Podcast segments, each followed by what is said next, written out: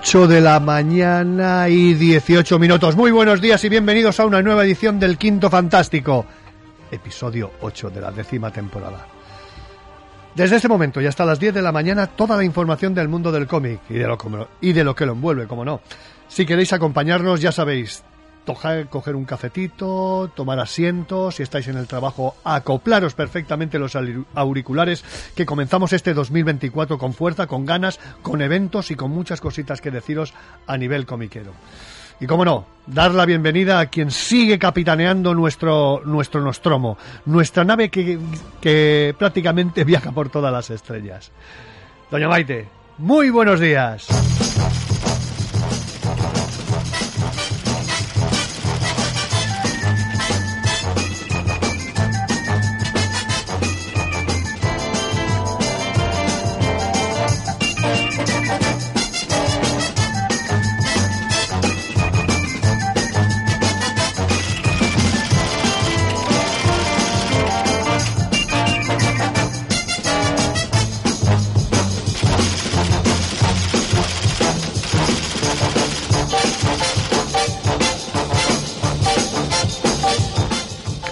Bueno, no nos habíamos eh, prácticamente escuchado de- desde el pasado 2023, así que a todos los oyentes, lectores, lectoras de cómics, desearos un 2024 lleno de historias, de aventuras a nivel comiquero, porque nos esperan, nos esperan grandes cositas a, a nivel a nivel de eventos, de, de salidas de, de próximos proyectos de, de amigos que, que iremos conociendo eh, prácticamente hasta junio, hasta que cerremos esta décima, décima temporada. Y hoy comenzamos, comenzamos a nivel fancinero y comenzamos a nivel Berkami, también, de las dos. Comenzaremos con, con entrevista sobre todo a el chino de pelo crespo, don Juan Alcudia. Nos estuvo contando junto con Mercedes del Castillo, jefa de la, de la editorial Cósmica, Cósmica Editorial, eh, nos estuvieron contando esta historia que está en Berkami y que sobre todo, sobre todo, pues, eh, eh, es interesante que podáis ten- tener acceso a ella por si acaso todavía hasta el día 20 creo recordar hasta el día 20 es está abierto ese Berkami que, que podéis tener tanto dibujos dedicados como dibujos originales como bien prácticamente nos contarán ellos Después, mm, después tendremos a un amigo del programa también. Tendremos a todo un, loco, un genio y que nos cuenta sus historias, sus aventuras, que no para, no para en absoluto de, de crear. Esteban Hernández nos contará esta última aventura que ha sido muy llamativa, ese, ese fanzine, ese usted, especial guionistas, eh, y que nos contará cómo se produjo, cómo hab- habló con todos ellos, cómo se gestan esas historias, cómo se dibujan y bueno, también un poquito también de, de la vida de la vida misma. Así que sin más, doña Maite, vamos a vamos a por ellos.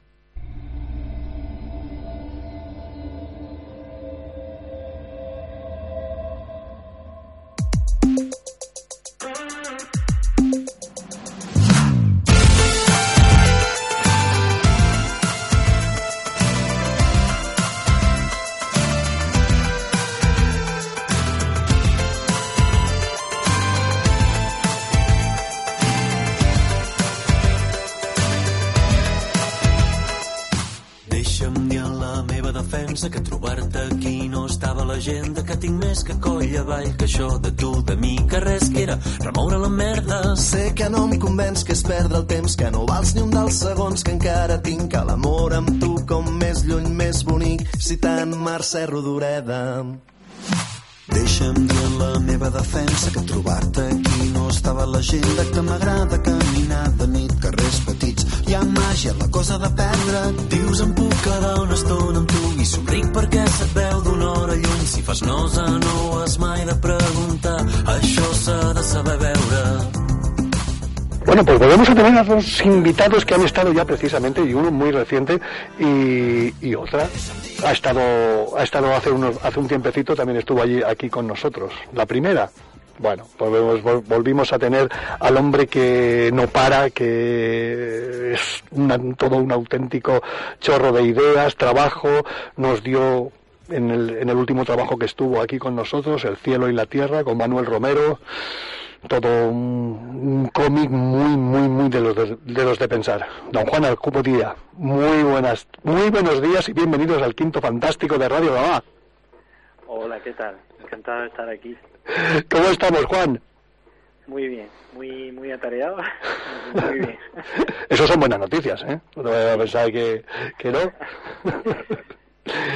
Y, y por el otro lado tenemos a una vieja conocida que yo estuve aquí con Fernando ayer, que espero que dentro de poco lo tengamos aquí otra vez para que nos cuente sus últimas aventuras. Y tenemos a Mercedes del Castillo, todo un trabajazo en, en una fábrica de, de- editar, de estar ahí, de moverse y demás. Doña Mercedes, muy buenos días y bienvenidos al quinto fantástico de Radio Gabá. Buenos días, muchas gracias por invitarme.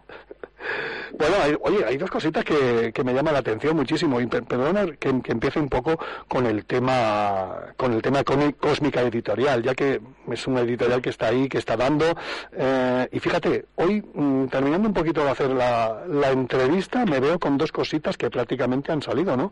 El cerrajero y el mundo de tinieblas, prácticamente ha sido un unboxing allí eh, de nada, de hace hace una hora que me la, me la ha pasado precisamente Román López Cabrera. pues sí, es que me han entregado la caja esta tarde y digo, bueno, voy a aprovechar antes de antes de apagar el ordenador y dejar de trabajar y voy a, y a enseñar esto. Yo no lo había visto tampoco porque, vamos, como comentaba en el vídeo, como ahora estoy trabajando con Serendipia, pues eh, el almacén central ahora lo tienen ellos, entonces son ellos los que me han reenviado luego la caja de, de la imprenta, ya no me llega a mí directamente, entonces pues eh, la verdad que siempre es muy emocionante ver los libros cómo han quedado, porque hasta que no los tienes en las manos es como, uff, no me... A ver qué, habré, a ver qué, qué ha podido pasar y ya pues los ves, me quedo tranquila de está todo bien, eh, los colores se ven súper bien y nada, muy bien, muy contenta con, con cómo han salido. Oye, genial. Aparte también, aparte de esta cosita que, que prácticamente acaba de salir, de recién salida del horno, hay dos cositas que me llaman muchísimo la atención. Y una, sobre todo, con, con, lo que es hoy en día el mundo de la grapa, ¿no? Es Vampire. Creo que es la segunda o la tercera grapa que sacáis, ¿no? Pues es la segunda serie dentro de Mundo de Tinieblas. La primera fue de Vampiro, la de Las Fauces del Invierno. Y esto, bueno, eh, es de Hombre Lobo, pero está relacionado. La, la protagonista de, de Las Fauces del Invierno pues vuelve a salir en esta serie también, eh, que se llama Deshielo Rojo. Y esta serie nueva que pues va a tener tres números.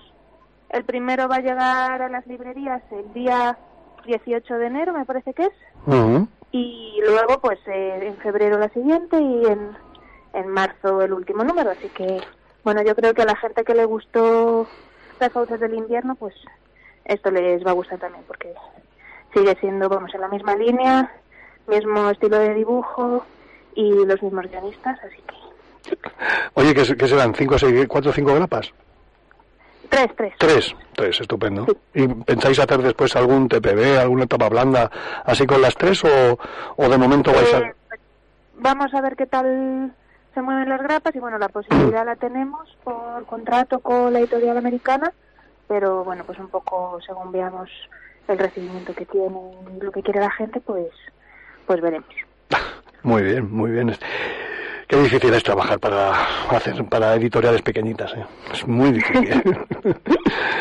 Juan, ¿o ¿qué tal? Oye, mm, me encanta. Entrando cuando me llamaste y estuvimos hablando un ratito allí con el tema de, de, de este Berkami y tal, eh, y me dijiste, oye, tengo este proyecto, tal, pam, pam, pam. Bueno, pues entré en el en el en el en el Berkami y me encanta el, la primera frase que me encuentro. La familia es la principal fuente de conflictos según los griegos. Te basas ahí mucho, ¿no? Es que es una verdad como un puño. ¿no? Eso, es que eso es que si, si tú miras y, y, y, vas al origen de un poco de lo que es la fuente literaria de Occidente, que, que son la, la cultura grecolatina, y tú y tú ves la, sobre todo las tragedias de, de Esquilo, Eurípides, etcétera, más allá del tema mitológico que hay, es siempre movida entre familias. O sea, siempre, pues nada, adulterio, asesinato, eh, envidia, celo, y bueno, y si te vas a la Biblia, pues te encuentras básicamente lo mismo. Entonces, eh, hay una cosa que no cambia a lo largo de los siglos y es que seguimos viviendo en familia, aunque el, el modelo en sí va cambiando, ya no es tan estándar como antes, pero nos agrupamos en familia y entonces la mayoría de los conflictos que tenemos que afrontar a diario, o buena parte de ellos, pues suelen venir de la familia, querámoslo o no. Oye, ¿y cómo te encuentras con, con esta historia? ¿no? Esto lo tienes fragado, fraguado de hace, de hace bastante tiempo, no es una cosa que te sale hace seis meses, ni mucho menos. No, no. Esto es un proyecto antiguo que, nace realmente cuando yo descubro de, carambola un poco a, a Rodoreda. Y entonces, bueno, alguien me apunta en esa dirección, empieza a investigar y, y, y, leo sus cuentos, que es realmente lo que, lo que estoy más familiarizado. Y me sorprende mucho, me sorprende mucho que una autora, sobre todo con esa calidad como cuentista, no, no tenga, porque ella tiene, por tal sea más célebre por su novela, su obra novelística, pero como cuentista me parece me parece extraordinaria y además es que cultiva un, tipo de, de cuento que aquí en la cultura española no está a lo mejor tan no tiene una tradición tan estable como por ejemplo la cultura anglosajona que es el cuento fantástico. Y como cuentista fantástica es extraordinaria. Y a partir de ahí pues ahí se me, se me enciende un poco la bombilla y, y empiezo a ver por dónde le puedo meter yo mano y, y trasladar parte de ese mundo que es tan rico eh, al cómic porque de porque ella la protagonista Soledad es Mercedes es Mercedes Rodureda directamente Sí, sí, yo le, yo le facilité a, a los dibujantes fotos de, de Merche Rodoreda en su, ya, no de su juventud, sino no sé exactamente qué edad tendría, pero bueno, ya ahí tenía el pelo blanco, o sea que estamos hablando que rondaría más o menos la edad de la protagonista. Y yo quería que tuviera el rostro de Merche Rodoreda como, como homenaje, porque el TVO, entre otras cosas, es un homenaje a, a la figura y a la obra del autor. Uh -huh. Oye Mercedes, cuando recibes esta esta propuesta de Juan y te dice, oye, vamos a hacer un vamos a hacer este cómic tal, pero lo voy a dibujar, lo voy a dibujar con siete dibujantes diferentes. ¿Cómo te quedas tú? pues eh, la verdad que, que es una cosa que me gusta hacer. Es el, el tercer cómic que tengo que es colaborativo en la editorial y a mí me gusta poder ver pues a los personajes ver las pues, diferentes situaciones que a lo mejor aparecen en, en varias partes de la historia no eh, elementos recurrentes pues ver cómo cada cómo cada dibujante lo, lo transmite no y lo enfoca desde su propio estilo. Y también cómo pues el, el guion la historia se va adaptando al, al estilo de cada uno de ellos no como para sacarle más provecho a, los puntos fuertes de cada dibujante. Para mí es bueno pues es más riqueza en el cómic no más variedad y y también pues te como otra otra cosa más otro otro nivel más de lectura cómo afecta el estilo a, a, a cómo interpretamos las historias no para mí todo eso es riqueza. Entonces eh, yo encantada con las obras colaborativas la verdad.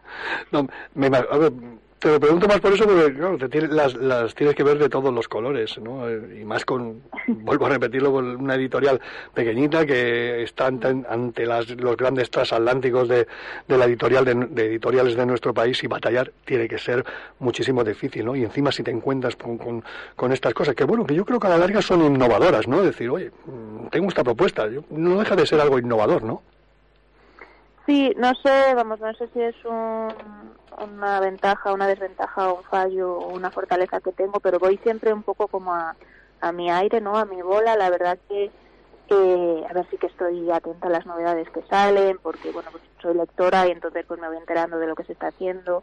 Eh, los cotilleos del mundo del cómic siempre son muy interesantes, pero al final, a la hora de decidir qué es lo que publico o lo que no publico, como que tampoco es algo que me influya mucho eh, suelo confiar más pues en, en mi no sé en que la obra me ha gustado me ha transmitido unas ideas interesantes y me ha parecido que era pues algo que aporta a, al mundo cultural. Entonces eh, no sé si no sé si será un error pero por ahora voy tomando así la decisión. No no yo creo yo creo que se tiene que tener un poco de innovación para para para continuar camino en el, en el mundo del cómic no Juan Alberto San Carmen Cantero, Olga de Castro, Juan Caminador, Pedro Villarejo, Ana Morales, Miguel Almagro, Inés Morales. ¿Son amigos tuyos aparte también? ¿Los tienes conocidos bastante de fondo de tertulias, de, de comidas y de tomar algo eh, en, algún, en algún bar?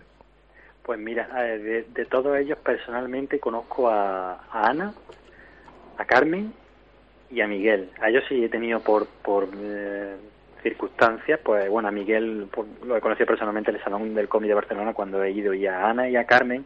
Carmen, por cierto, es la dibujante del Cerrajero, que es lo que publica ahora Cósmica. Las conozco mm. porque somos de la misma tierra, somos de Córdoba los tres, entonces, y, porque ya habíamos coincidido en otro, en otro proyecto anterior. A los demás tengo amistad, a la mayoría o conocimiento virtual pero no no pero la mayor eran ahí, hay una mezcla de dibujantes con los que yo ya conocía de antes y con los que quería colaborar y a otros con los que le he propuesto colaborar por primera vez entonces ha sido ahí un, poco de todo qué tal muy difícil muy difícil batallar con todos con todos ellos no eh, eh, yo creo que ellos lo han tenido peor batallando conmigo porque además yo le el, problema del, del, guion es que había que coordinar una historia entre siete dibujantes, cada uno con un capítulo, pero siempre manteniendo elementos comunes. Entonces yo en ese sentido he sido muy exigente con el guion, con los detalles. Y a veces tenían que cambiar cosas, a veces había detalles que no, que no veían y yo tenía que decir, mira, no, necesito que aquí dibuje esto y aquí aquello. Entonces yo creo que más problemas habrán tenido ellos conmigo, pero, pero por su parte fenómenos todos y, y muy bien, han hecho todo un esfuerzo para, para hacer el cómic. Hombre, con Pedro Villarejo ahí creo que te, precisamente te viste en estos días y tal, buscando información, te he visto ahí en una entrevista que, que os hicieron y os he visto bastante cómplices ahí. Sobre todo una aventura que me llamó muchísimo la atención a la hora de, cuando me mandaste el, el cómic, la de los zombies. Ah, sí, sí, sí, sí. Bueno, es que mm, es cierto porque sí, Pedro comentó que anteriormente había hecho una historia de zombies y yo la conozco, esa historia, la, apareció en la revista Cthulhu hace años y, me gustaba mucho, pero no... Yo creo que cuando estaba escribiendo ese el guion, cuando se lo ofrecí, no estaba pensando en eso, sino en la versatilidad de Pedro. Pedro tiene una cosa, que es que igual hace, te dibuja cuentos infantiles, que hemos hecho algún cuento infantil juntos, como dibuja obras de un calado de una estética un poco más adulta. Entonces ahí me, me valí de su, de su polivalencia y de su versatilidad para esa historia. Necesitaba algo, algo que fuera digamos que impusiera un poco, pero que no, no rayara en el realismo ni que fuera una historia terrorífica, que no lo es. De hecho, es casi más bien lo contrario. Pero sí necesitaba una estética que se adecuara a la idea que yo tenía. Y ahí Pedro fue como un guante. ¿Cómo decides el, no quiero decir spoiler para, para, simplemente dar un poquito de ese jugo para que para el lector y la lectora se animen a, tanto al ver camino cuando salga en su día a la venta, ¿no? Mm. Eh, ¿Cómo decides ese eh, ese momento, lo que ya hemos hablado antes de familia, para que ella, pues, mm, bueno, el momento de que muere su marido, un vaso de whisky, se pone a buscar recuerdos, ¿no? Para hacer el viaje. ¿Cómo, decides ese momento, ¿no? Esos motivos que, que, tiene que hacer Soledad para hacer el viaje. Bueno, básicamente ya lo que hace, lo que hacen es, yo quería, quería plantear el, el, nudo de la historia ya en el primer capítulo para que luego fluyera con más facilidad. Y entonces todo el nudo argumental o que es la motivación de la protagonista ya está en el primer capítulo. Y ella lo que hace de alguna manera es sacudirse ese, ese rencor que lleva acumulando pues prácticamente la mitad de su vida, porque como ella bien explica, al, casarse con, con, su difunto marido, su vida cambia completamente y pasa a un segundo plano, se, se somete y, digamos que acata ese rol, no sé si decide esposa, decide esposa sumisa, pero, pero bueno, como que ella tiene que renunciar a sus sueños y sus aspiraciones en su vida para favorecer a la familia sacrificarse por ella, ¿no? Entonces tiene ahí esa, cuando habla con los hijos y se pelea y habla de, la maternidad y se compara con, un cerdo, esa, usa esa metáfora de la cerda amamantando a las crías. Entonces todo eso eh, se ha ido acumulando durante muchos años. Y ahí, pues cuando ya no está el marido, que en cierto modo es como una presencia no exactamente represora, pero bueno, anda por ahí, pues ella se, se destapa, le dice a todo el mundo lo que piensa, se queda tan a gusto y luego ya pues toma una decisión vital, realmente una decisión de vida que antes no había podido tomar. Mercedes, Cósmica apuesta por historias historias de ciencia ficción, historias interesantes, todo que vaya mezclado, como diría el bueno de James Bond, mezclado pero no agitado. Todo, todo una, un buen cúmulo de historias que el lector se pueda encontrar eh, con, bueno, con, con varios ciencia ficción, eh, vida cotidiana, en, en todos estos relatos. Eh, sí, yo creo que como la, la apuesta de Cósmica y lo que une un poco todos los títulos, aunque parecen algunos muy diferentes entre ellos, es ese toque de fantasía, ese, bueno, pues intentar superar a la realidad en algunos en algunos puntos y intentar también pues eso historias que, que sorprendan un poco que, que tengan un punto de vista nuevo diferente o distinto no que que sea pues no sé refrescante o, sorprendente innovador cuando te encuentras con ello y digas anda no no había visto no sé hacía mucho tiempo que no veía una historia así o esta historia me está sorprendiendo no no es lo que me esperaba eh, ese tipo de cosas un poco la, reacción que, busco, que espero con, los lectores. Entonces siempre me, me gusta pues ese toque de, fantasía en las historias que voy publicando. No, es más por, por, porque no os basáis en, decir, pues vamos a, apostar por la ciencia ficción. Eh, no, la verdad que no. Por ahora como que no, no el catálogo no está casado, no está centrado en, en un género cerrado, sino pues como un no sé qué que, que, intuyo que, que tienen todas las obras en común, pero es algo bastante difuso, sí. Eh, Juan, eres, eres muy experto en, con la última obra, sobre todo también con la, la, anterior, la del cielo y la tierra.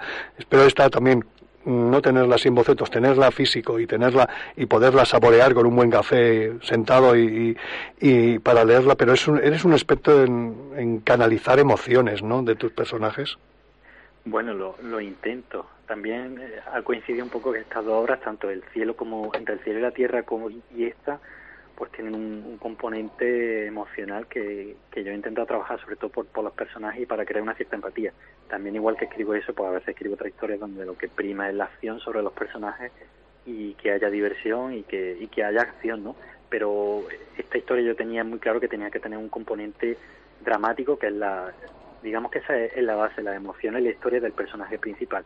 Y luego es complementarlo pues con todo ese viaje, esa fantasía que, que va rodeando y que va vertebrando de alguna manera la historia, ¿no? Que se complementen, pero pero para mí el, digamos la el, el retrato del personaje, sus motivaciones y sus emociones y sus recuerdos era era fundamental.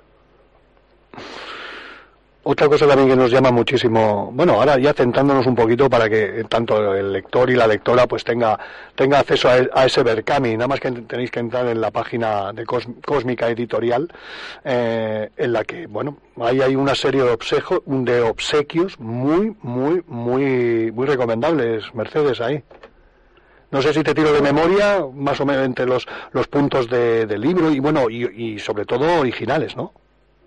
Sí, sí, sí. Eh, toda la gente que participe en la campaña pues eh, va a recibir el libro con marcapáginas de regalo eh, y su nombre en los agradecimientos que incluiremos al final del libro porque bueno pues al final son los mecenas los que hacen que la campaña se, sea posible y luego pues aparte del libro ahí hemos puesto pues otras otros packs otro tipo de recompensas que pueden elegir pues se pueden eh, llevar el cómic con un original de ahora sí que no estoy segura de quiénes son creo que Carmen Cantero Ana Morales y Inés Vázquez eh, las tres dibujantes que ofrecen que ofrecen originales.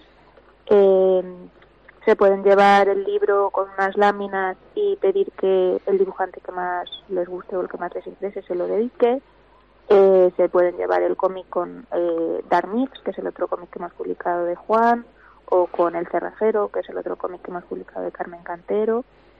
Y mm, creo que eso. Luego, bueno, pues teníamos algunos objetivos si, si superábamos el, el objetivo de la campaña, pero bueno, ahora mismo con llegar al objetivo eh, estaríamos contentos. Es importante, es importante. ¿eh? Bueno, no quiero meteros en ningún fregado de, de ningún tipo, pero me sabe un montón de, bueno, vosotras, vosotros, en este caso, de que, de que tengáis ahí, que estéis haciendo unos esfuerzos titánicos en tiempo, e incluso en dinero, eh, siendo una editorial pequeña, eh, hagáis un Berkami, lo estéis sufriendo, lo esté, porque yo, yo me pongo un poco en vuestro, vuestro pellejo y un Berkami es, es jodido, hablando, hablando en plata. Juan y Mercedes, contestarme los dos, porque os influye a los dos directamente. Eh, pues sí, es un montón de trabajo. Vamos, Juan, la verdad que está ahí compartiendo la campaña eh, todo el rato. Se nota, bueno, pues que al final es, es su obra, es su cómic y, y pues la pasión, ¿no? Del trabajo creado que quieres que lo lea la gente. Y bueno, pues es el trabajo que nos toca hacer ahora, compartir, dar la lata, hablar del cómic y convencer a todo el mundo, como estamos convencidos él y yo, de que es una buena historia. Eh, Juan. Yo confío en que lo, que lo consigamos. Sí, eh, yo, yo por mi parte, sí, es, es cierto que el, el Berkami siempre te crea una, una incertidumbre, porque es verdad que luego cuando sale te alegra, pero todo el proceso de estar ahí pendiente de cuando sube, de cuando se queda parado, de cuando eh, pega un tirón, de cuántos días quedan, y tú estás ahí en redes dando, dando la brasa, que ya muchas veces te cansas de ti mismo, de decir, estoy qué pesado soy, estoy aquí todos los días. Entonces, es un proceso, es un proceso que desgasta, pero bueno, eh, yo entiendo que forma parte de esto, quiero decir, yo entiendo que por un lado la, la editorial tiene su labor de promoción, pero que los autores, en la medida de lo posible, también nos tenemos que implicar. Entonces, que no es solo entregar la obra y terminarla y ya. Pues si hay un Berkami te tienes que implicar. Si se puede hacer presentaciones, pues tú vas y haces, pre- y haces presentaciones. Por una parte también de, de, de nuestra de nuestro cometido, por lo menos yo lo entiendo así. Cuando lo tengáis ya más o menos cerrado, bueno, hemos estado hablando fuera de micro, para el día 20 más o menos estará ya, creo 20 o 22, no sé, ahora no, no recuerdo muy bien, que es cuando se cierra ya el, el Berkami. Eh, ¿para, cuándo, ¿Para cuándo, Mercedes, crees tú que lo tendréis para publicar? Eh, la fecha prevista de entrega a los mecenas es en abril, entonces pues a las tiendas llegará, me imagino que como un mes después de que empecemos a hacer los envíos a los mecenas para que bueno, pues para que dé tiempo a la- si hay que hacer dedicatorias y eh, preparar pues las cositas especiales para cada tipo de mecenas que dé tiempo a que todo el mundo lo reciba. Y, y eso en mayo eh, que pudiera estar en las librerías. Ese es el plan que tenemos. Uno que ya tenéis hay uno revisando revisando vuestra vuestra vuestra editorial bueno tiene- y precisamente la has comentado tú también ahora creo que ha sido Juan el que lo ha comentado el Dark Meats este mm, me llama muchísimo la atención. Es como una resonja allí parecida allí luchando contra no sé eh, me ha llamado muchísimo la atención Juan. Ese es un TVO que salió también este año con, con Cósmica y, y por eso hablaba un poco de, de que no todas las historias sean, vamos, esta es un- una historia de fantasía oscura, de acción, terror, mitología, o sea, es un perfil completamente diferente, porque de hecho a mí me, me- tenía muchas ganas de que saliera esto de la soledad de la cigüeña adelante, sobre todo para enseñar un poco otra poquita, una faceta diferente que no fuera siempre cosas de- relacionadas de alguna manera con el terror, ¿no? pero sí es un cómic bastante oscuro, bastante gore. O sea, tiene a lo que a las personas que le, que le guste la fantasía oscura y yo creo que le puede interesar. estoy viendo la portada nada más y vamos es- te llama muchísimo la atención Sí. todo es eh, es una auténtica es una auténtica pasada vaya. Eh, bueno oye ¿y, te- y qué tenéis pensado venir a Barcelona tenéis venir al salón que es creo que es la primera semana de mayo. Tenéis pensado tenéis pensado que Cósmica Editorial y con sus con su- sus buques insignia venga venga aquí a Barcelona o qué Eh, sí, sí, sí. La, mi intención es asistir al salón llevando mis cómics y llevando los cómics de Serendipia. Y bueno, pues cuando ya todavía eh, no hemos hecho la solicitud, porque todavía no, no, no está abierto el proceso de solicitudes para participar en el salón. Pero vamos, una vez que, que se ponga ya eso en marcha, pues veremos también qué, autores, qué autores nos pueden acompañar y, y obviamente pues todas nuestras novedades estarán ahí en primera fila para bueno, que las defendamos ahí en el salón. Muy bien. Muy bien. Oye, Juan, tú, tienes ganas de venir, aunque no sea, aunque no sea Navidad, lo tienes que, tienes que venirte. Sí, yo, yo por mí ya tú me falta el tiempo. Sí, yo si, si puedo este año haré, haré el esfuerzo de, ir, sobre todo para ir así, digamos, ampliando mi, mi lazo de amistad con la gente que me encuentro allí y conociendo a gente nueva, que para los autores yo creo que es normalmente lo más bonito. Estar en contacto con, con gente y poder hablar de nuestras tonterías cuando nos juntamos, porque normalmente nuestro ambiente diario, no yo no hablo de TVO, yo hablo de TVO cuando me junto con gente de TVO. y como casi todo me junto allí en Barcelona.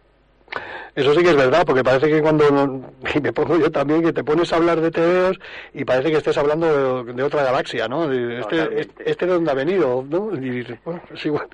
Y, y, a veces pues te tienes que tirar un paso atrás y decir, bueno, es igual, no, no pasa nada. Vamos a hablar de, de, de, de Pedro, vamos a hablar del presidente. Sí, sí. Bueno, bueno. Oye, y una cosa ya también, sobre todo para, para Juan, ¿no? un autor tan polivalente, tan polivalente como tú, a mí me llama muchísimo la atención, y bueno, como hemos durante hemos hablado durante durante la entrevista, ¿no? Eh, ese, ese, esa polivalencia para, para levantarte una mañana y decir, oye, me, me apetece de terror, me apetece de vida cotidiana, me apetece de ciencia ficción ¿Cómo es, cómo es puede ser tan, tan polivalente? ¿En, qué fuentes más te, bebes, bebes para, para recoger toda esta información y poder decir, oye, pues hoy ciencia ficción, hoy terror? Pues mira, en realidad no es una cosa, no una, una cosa intencional. Yo me he ido abriendo poco a poco con el tiempo. No sé si también será cosa de la edad o no sé. Yo empiezo publicando en exclusiva, historia de terror, empiezo la revista Cthulhu y al principio era todo lo que yo escribía y luego con el tiempo me he ido diversificando y lo que voy al final buscando historias, ideas, proyectos donde pueda eh, digamos eh, canalizar pues pues tanto ideas que tengo yo como emociones como vivencias. Y entonces pues aunque a mí me gusta mucho el terror y seguiré escribiendo siempre que pueda me, me, interesa mucho abordar otras otras cosas no eh, historia biografía al final como se suele decir aunque sea un poco tópico se puede hacer una, una buena historia de casi cualquier cosa y yo me lo tomo como un reto. Evidentemente me siento más cómodo con, la fantasía, con lo onírico, con el terror y hacer otro tipo de cómics como por ejemplo este, para mí es un, yo me lo tomo como un reto. Entonces, bueno, un poco va por ahí la cosa. Y ya para acabar con, con, el tema, sobre todo con el tema de Bergami, ¿no? Que había comentado eso de que, de que lo veo estupendamente, de que, de que sean otras las editoriales pequeñas las que lo, lo fomenten. Eh, ¿Cómo ves, cómo, cómo veis que editoriales grandes, grandes, grandes, los grandes transatlánticos de nuestra, de, de nuestras editoriales aquí en España y en el extranjero hagan Berkamis o crowdfundings? Te voy a meter un poco el dedo en el ojo.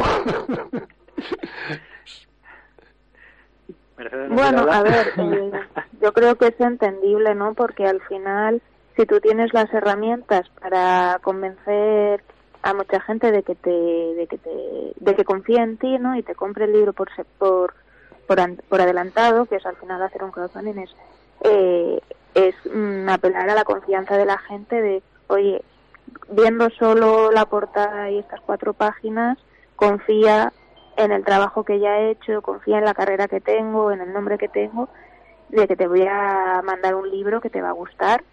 Y, y entonces, pues yo entiendo que las, que las grandes editoriales que tienen detrás un montón de gente que ya confía en ellos, eh, ¿por qué confían en ellos? Pues ya, eh, ya que cada uno lo piense, eh, pues entiendo que se, que se aprovechen de esa herramienta, ¿no? Porque bueno, si, si puedes reducir el riesgo, pues quién no, quién no va a querer reducir el riesgo. Eh, si está bien o está mal, pues pues no lo sé, ya eso son como asuntos morales o éticos que dependerá de, de la perspectiva de cada uno.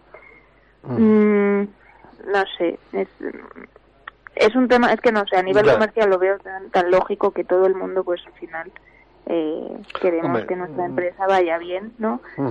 eh, es complicado. Es complicado, complicado. Juan, ¿tú, tienes, tienes opinión sobre este tema? Es un poquito, sobre todo en redes, arden las redes a veces y... La tengo, eso te iba a decir, la tengo, pero tengo que ir con piel de plomo, ah.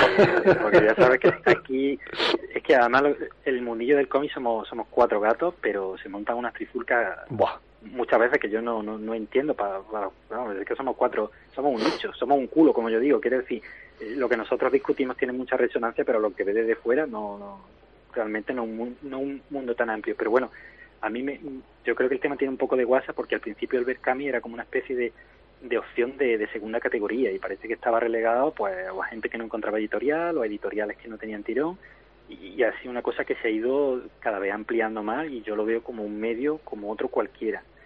Dicho esto, aquí cada uno pues puede luego contribuir o no, o le puede parecer bien o mal, pero yo si quiero, ya que estamos hablando de, editoriales más modestas, más pequeñitas, romper una lanza a favor no solo ya de Cósmica, sino que por supuesto, sino todas esas mismas editoriales que están en esa misma línea y que apuestan mucho por los autores españoles.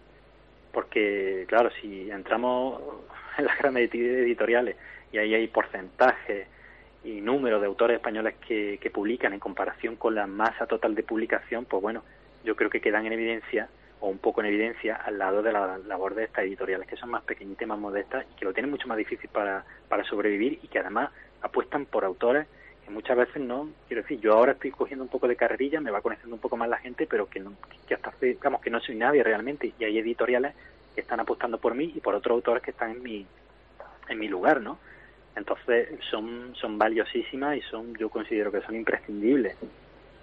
Sí, sí, es que, es que esos, mm, añadiría yo, vitales, vitales para que nuestro, mm, nuestros artistas, nuestros dibujantes, nuestros guionistas den ese paso para poder editar, para poder empezar, para obtener un mercado, sobre todo aquí en España. Ojalá fuera el mercado belga o el francés, ¿no? Pero ya sabemos que es muy difícil, pero al menos que tengan un mercado aquí a través de, de estas pequeñas, de estas pequeñas editoriales, a través del Berkami, y que las grandes tendrían que dar un paso atrás. Es lo que creo yo, ¿eh? pero bueno, ahí es un poco cada uno. Defiendo también mucho lo que ha dicho Mercedes y sobre todo también lo que has dicho tú. A ver, yo, mi punto de vista es un poco, no sé si realista o pesimista. Obviamente, quiero decir, en un mundo ideal, pues lo, lo ideal sería que, que no, que no fuera, que no abusaran, ¿no? Porque se puede entender como que es un poco abusar de su situación de, de poder dentro del mercado, pues decir, voy a hacer una campaña para recaudar este cómic súper famoso de estos personajes que conoce todo el mundo y voy a pedir más de 90.000 euros para sacarlo adelante. Bueno, pues no lo sé. Por eso decía, ahí está pues en la ética profesional de cada uno saber si, si debe hacer eso o no. Oye, es un placer hablar con vosotros de, cómics, de, de, de, historias, de aventuras, de cosas que se, se, van a, se van a publicar. Mercedes, yo te emplazo, mira, ya que es en enero, ¿eh? Mm, cada, cada, cada mes de enero nos cuentes un poquito vuestro plan, vuestro plan editorial, lo que habéis editoriado, en este caso, enero del 2025. Oye, me cuentas, eh, oye, pues mira, en enero del, en, el año 2024 hemos editado esto, esto, esto, esto, tal y cual. A ver, ¿qué, qué te parece? Te llamo, Claro. Pasa un tiempo, pero pero bueno, y hablamos y, y mira, para, para, para, el 2025 tengo esto, esto, esto, esto y esto. ¿Qué te parece?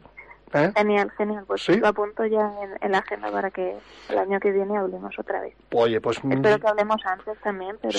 Sí, Hombre, si venís a Barcelona, vamos, seguro que haremos un cafetito por allí, por Barcelona, o lo que sea, y, hablaremos un ratito, aunque sea nada, cinco o seis minutos, porque... Eh, quiero que lo disfrutéis, que, que, para eso está para eso está el salón, para, para que tanto guionistas, dibujantes y editoriales en este caso lo podáis disfrutar. Sí, sí, sí. Pues oye, un placer. Don Juan, muchísimas gracias por una vez más estar aquí, estar con tu sapiencia, tu buen saber, tu buen explicar y que nos cuentes todas estas aventuras con esa catarata de ideas que, que van fluyendo de tu cabeza. Nada, muchísimas gracias a ti por, por invitarnos y por, por esta entrevista. Y Mercedes, me emplazamos. Si no es eh, que lo más seguro que nos veremos en el Salón del Cómic, si no, mm, nos cuentas el, cómo ha ido el año 2024. Genial.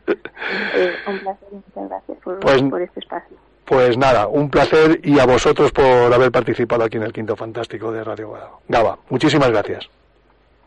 Hasta luego. Adiós. Hasta luego.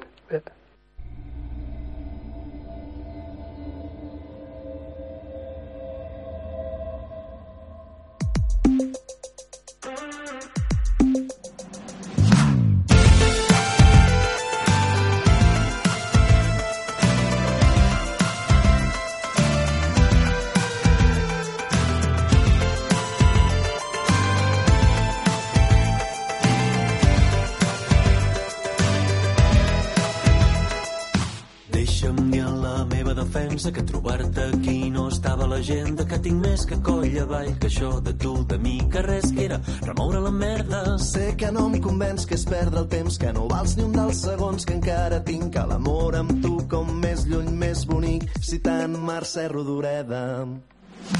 Deixa'm dir en la meva defensa que trobar Es un placer escuchar a Juan y, y conocer sobre todo ese trabajo que hace Mercedes en, en Cósmica, en, en Cósmica Editorial. Dos noticias que, que nos influyen sobre todo a todo comiqueras y comiqueros que nos influyen muchísimo. El consejo de una muy que me ha hecho, bueno, yo creo que ha, ha, ardido prácticamente de todas la- las redes porque ha sido muy, muy favorable. La, la única pena que no se le ha podido hacer este gran homenaje, este, esta, este, esta medalla, ¿no? A, eh, que no se le haya podido dar en vida, ¿no? Fijaros que el pasado, el pasado Consejo de Ministros, a propuesta del ministro de Cultura, Ernest, Urta- Ernest Urtasun, perdón, ha aprobado este martes la concesión de, de las medallas de oro al mérito de en las bellas artes, correspondientes al 2023. 37 personalidades e instituciones. Bueno, ha habido algunas que son a nivel póstumo, como, como es la de la de Carlos Pacheco, ¿no? Eh, merecidísima y como ya os digo, es una auténtica pena que, que, esta, esta medalla no se, la, no, no se la haya podido dar en vida, porque yo creo que la hubiera disfrutado y, y sobre todo, la hubiera disfrutado él y sobre todo todos los todos los aficionados al cómic por, lo que por la por la iden- entidad que es, que es Carlos y que será siempre eterna. Después, otra cosita. Tengo, tenemos también para, ya se acerca, ya es prácticamente oficial, que el día, el jueves 22 de, de febrero, a las 19 horas, en el Real Círculo Artístico de Barcelona, habrá una, habrá una gran trubada de, de lo que son, de lo que fueron los artistas de aquellas elecciones ilustradas. Eh, esto lo ha organizado Comics 21 de la mano de Marcos Ordóñez y, y, a- y- Aitor Marset. Lo han organizado. Estaremos invitados. Radio Gaba está invitada. eh, estaremos allí. Haremos algunas entrevistas. A fijaros qué, qué elencos. De momento son estos los que están invitados.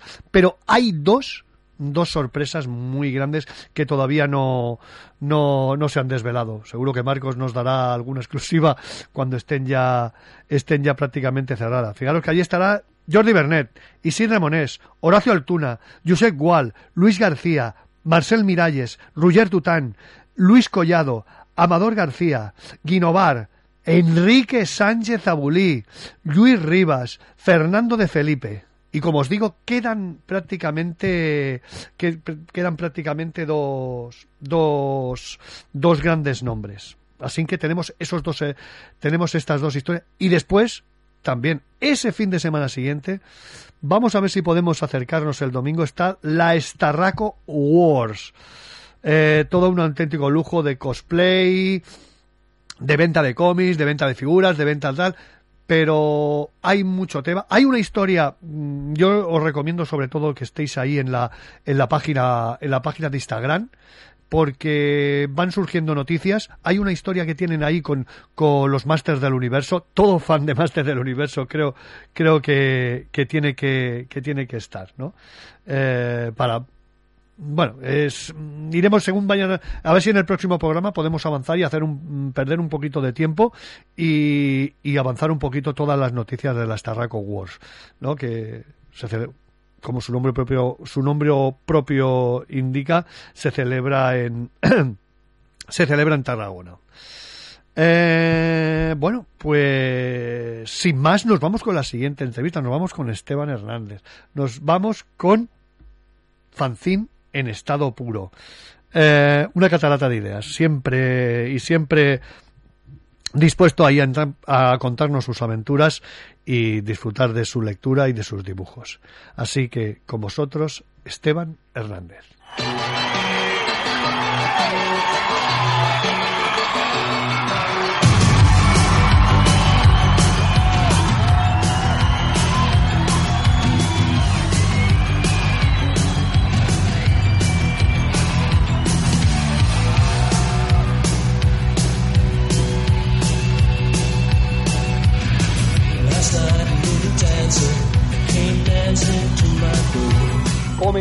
Trayectoria en este 2024 con talento fancinero, con alguien que su cabeza no para, que es una catarata continua de ideas. En este caso ha aglutinado una obra que es muy, que para mí se me antoja, se me antoja muy difícil. Bueno, ahora mismo yo creo que, que, que él nos las va a contar. Varias historias y sobre todo todos ellos en, en un fanzine, en un fanzine que lleva bastante tiempo haciéndolo, que es como el, fan- el fanzine se llama Usted. La voz manchega del cómic, don Esteban Hernández. Muy buenos días y bienvenido una vez más al quinto fantástico de Radio Cabá. Hola Alberto, muchas gracias por la invitación, un gusto estar aquí hablando contigo otra vez, claro que sí. ¿Qué tal, tío? ¿Cómo estás? Muy bien, muy bien, tranquilo, estoy dibujando a diario, me alimento bien, duermo mis horas, hago un poquito de ejercicio, con esos ingredientes no puedo ir nada mal, claro. Oye, me, me llama mucho la atención, bueno, la entrevista, eh, pero aparte, mm, el trabajo, el tra- te, encuentras más a, más a gusto para, para crear en la complicidad de la noche? Uh, Sí, sí, efectivamente sí.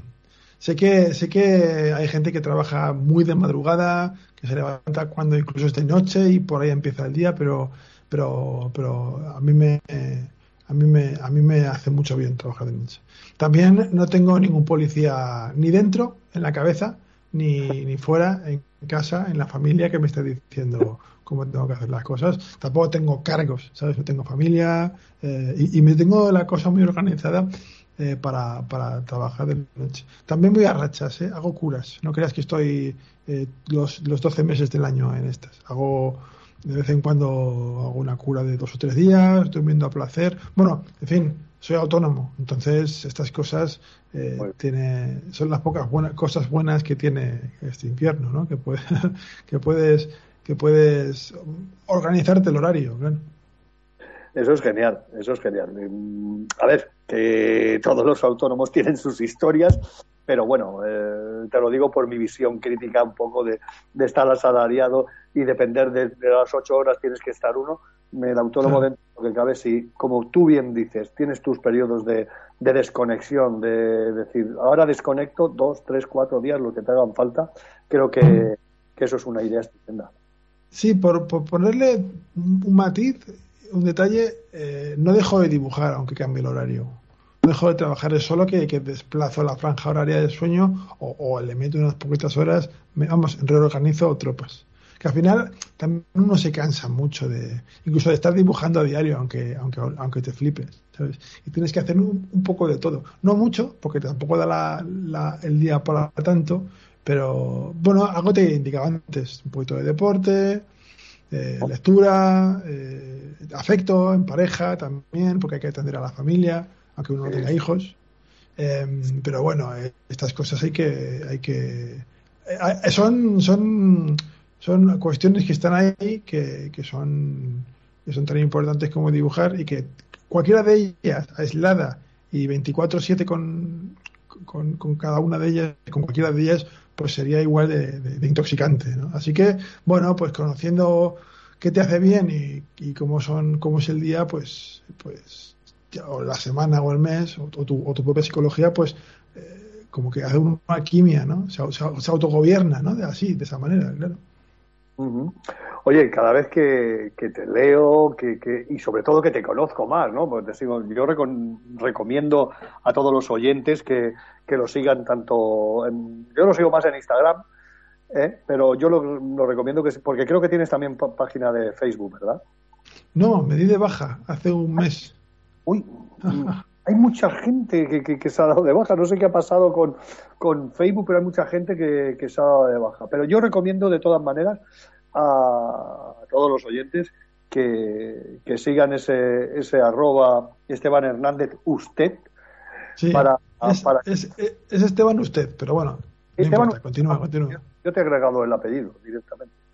no pasa nada, está bien, se entiende igual.